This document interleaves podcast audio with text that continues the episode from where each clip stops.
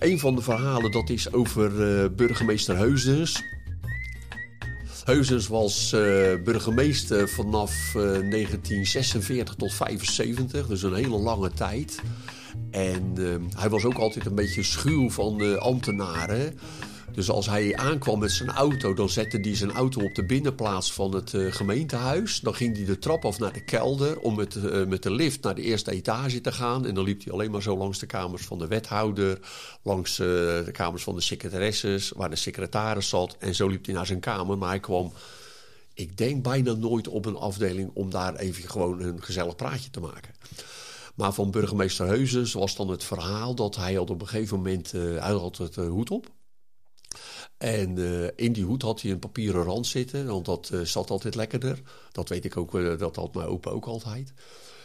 En die hoed legde hij dan op de, op de, op de kapstok. En ja, dan ging hij gewoon aan het werk. En op een gegeven moment had er een bode had ook een hoed gekocht. En die, iemand zei tegen hem, joh, maar dat is dezelfde hoed als de burgemeester. En dat bleek ook echt zo te zijn. Alleen het was een klein maatje kleiner. Dus wat hebben die bodes gedaan? Die hebben op een gegeven moment een keer toen hij uh, zijn hoed had opgehangen, de hoed uh, van die uh, bode daar neergelegd, de papieren rand erin gedaan en de iets grotere hoed van Heuzes weggehaald. En Heuzes ging s'avonds naar huis, toen zette die hoed op en stond bovenop zijn hoofd. Dus hij haalde de papieren rand eruit, legde die op de, op de kapstok. En de hoed die zakte weer over zijn hoofd en het zat goed. De dag erop hebben ze weer zijn eigen hoed neergelegd, maar zonder papieren rand. En die zakte over zijn hoofd. En dat hebben ze een aantal dagen volgehouden. En op een gegeven moment vroeg Heusens aan een van die bodes... Hij zei, ja, ik weet niet wat er aan de hand is... maar als ik uh, die hoed opzet... de ene keer zit hij boven op mijn hoofd... en de andere keer zakt hij er weer overheen. En toen zei die bode... ja, ik heb gelezen dat als je erg een grote inspanning levert... dan kan je hoofd uh, groter worden, maar het kan ook krimpen. En uh, dat zal waarschijnlijk dan wel de reden zijn... Hij heeft daar waarschijnlijk uh, ja, genoeg meegenomen op dat moment. Maar de bodems hadden wel onderling afgesproken. En nu kappen, want als ze hier achter komen, dan hangen we. dus dat was het verhaal van burgemeester Heuzes, wat ik dan uh, ooit gehoord had. Een ander verhaal wat ik hoorde, dat was over uh, een ambtenaar van de burgerstand. Uh, de burgerstand die zaten uh, langs de schoolstraat. Daar was de afdeling. En uh, waar de ambtenaren van de burgerstand waren, aan de achterkant van hun werkplek, daar was de kluisruimte. En daar stonden de paspoorten en ook de registers van de burgerstand en ook allerlei formulieren. En een van die ambtenaren van de burgerstand, die ging tussen de middag hadden ze pauze van half één tot half twee. Dan had hij zijn brood op achter zijn bureau en daarna ging hij een beetje slapen nog achter op zijn stoel. Stoelen hadden geen wieltjes of zo, hadden gewoon poten. En hij bleek nogal heel vast te slapen. Dus zijn collega's hebben op een gegeven moment een grap uitgehaald. En hebben hem met z'n vieren opgetild. Toen hij zat te slapen. En hebben hem in die kluis gezet. Hebben de deur op slot gedaan. En toen hij wakker werd, schreeuwde hij heel hard: Help, ik ben blind, ik kan niks meer zien. Want in die kluis was het aarde donker. En nou, de collega's, nadat ze uitgelachen waren, hebben ze die deur open gedaan. Maar deze man was vreselijk geschrokken. Dus dat is een verhaal van, de, van een ambtenaar van de En op diezelfde afdeling, en dat was voor mij altijd wel een beetje lastig, want toen ik daar kwam werken, waren dat over het algemeen allemaal al oude mannen. Maar die hebben daar allemaal wel heel lang gezeten. Maar toen zij jong waren, hadden ze een keer een bokswedstrijd georganiseerd op de Kamer. Dus ze hadden op die afdeling burgerzaken, bevolking, hadden ze tussen de kasten touwen gespannen. Een van de uh, mensen had uh, bokshandschoenen thuis, hadden ze meegenomen naar het werk en ze zijn gaan boksen. Wat zij niet wisten, ze hadden de gordijnen dicht gedaan, maar wat zij niet wisten, dat was, dat er een wethouder van personeelszaken de trap afkwam. En door de bovenlichten kon zien dat daar gebokst werd. Hij draaide zich op, hij ging daar niet naartoe. En weken daarna uh, ging uh, waarnemend hoofd van die afdeling ging naar de wethouder toe om te vragen: mogen we weer, uh, overwerken, mogen we weer overwerken in verband met de zomervakantie die daar aankomt en de paspoorten die dan op vrijdagavond ook verstrekt zouden kunnen worden.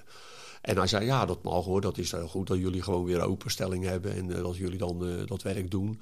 Ja, en dan is natuurlijk de volgende vraag, mogen we dan net als andere jaren ook weer declareren? En toen zei hij, nou, ik heb ook gezien dat jullie in zijn basentijd kunnen boksen. Dan denk ik dat jullie ook wel in staat zijn om in je eigen tijd een keer gewoon te werken voor de gemeente. En ze moesten gewoon wekenlang gratis op vrijdagavond werken. dus dat zijn, ja, dat zijn van die verhalen die je dan hoort waarvan je denkt, ja, hoe is dit mogelijk? Ik had een collega op het stadhuis en die uh, dronk nogal aardig wat. En die kwam soms wel tot de conclusie s'avonds laat dat hij geen drank meer in huis had. En dan ging hij naar de wijnoogst op de, op de markt. en dat was ook van Van Toor. En dan belde die beneden aan, s'avonds om half twaalf of zo. En dan uh, Van Toor, die lag waarschijnlijk bovenal te slapen. En die had allemaal drankflessen naast zijn bed liggen. Of staan. En hij keek uit het raam wie het was.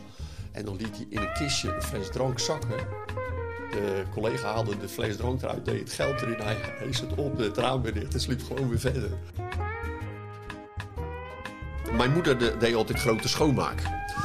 En... Uh, vond het altijd heel overbodig. Maar dan werden bij spreken zelfs de borden uit de kast gehaald die schoon waren. Werden weer opnieuw gewassen. Want ja, die kasten moeten schoon en dan ga je dat nog een keer doen.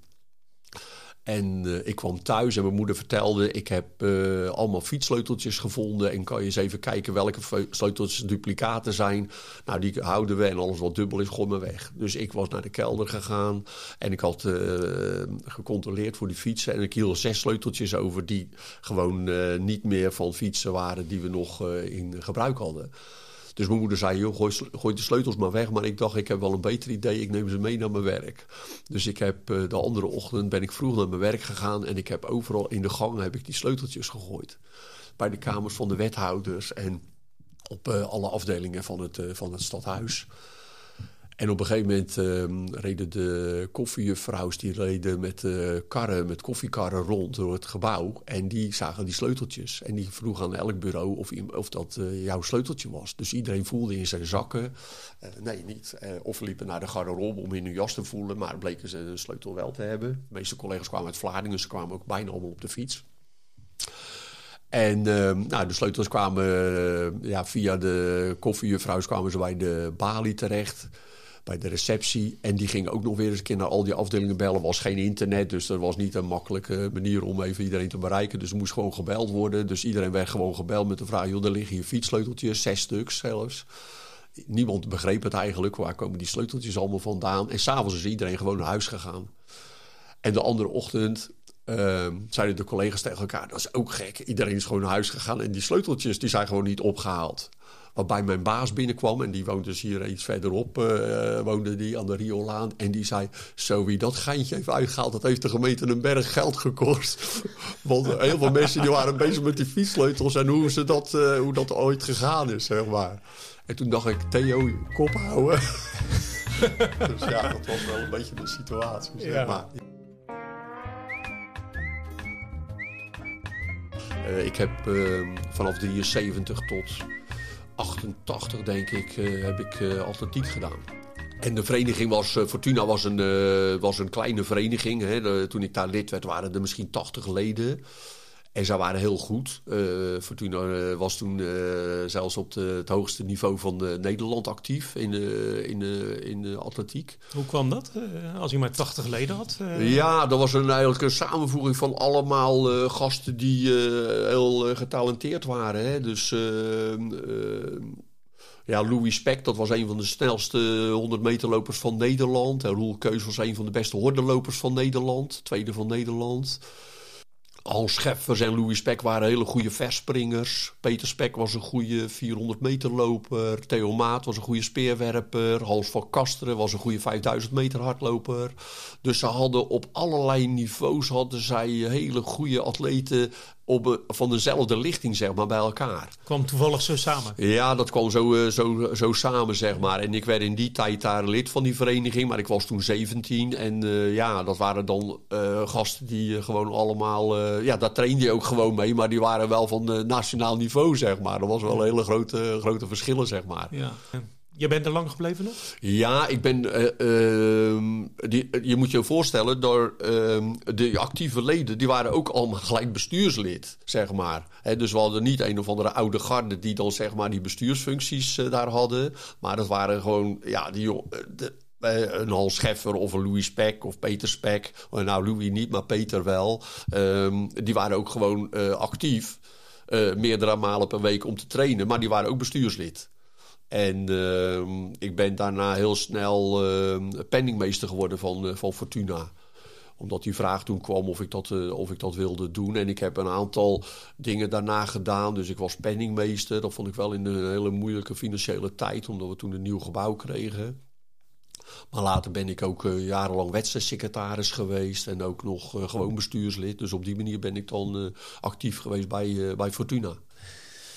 Wat ik wel heel bijzonder vond, dat zij in 1974, denk ik, promoveerden naar de hoofdklasse van de, in de atletiekwereld. En dat ze dan met hele grote clubs uit Amsterdam of uit Rotterdam zich moesten gaan meten.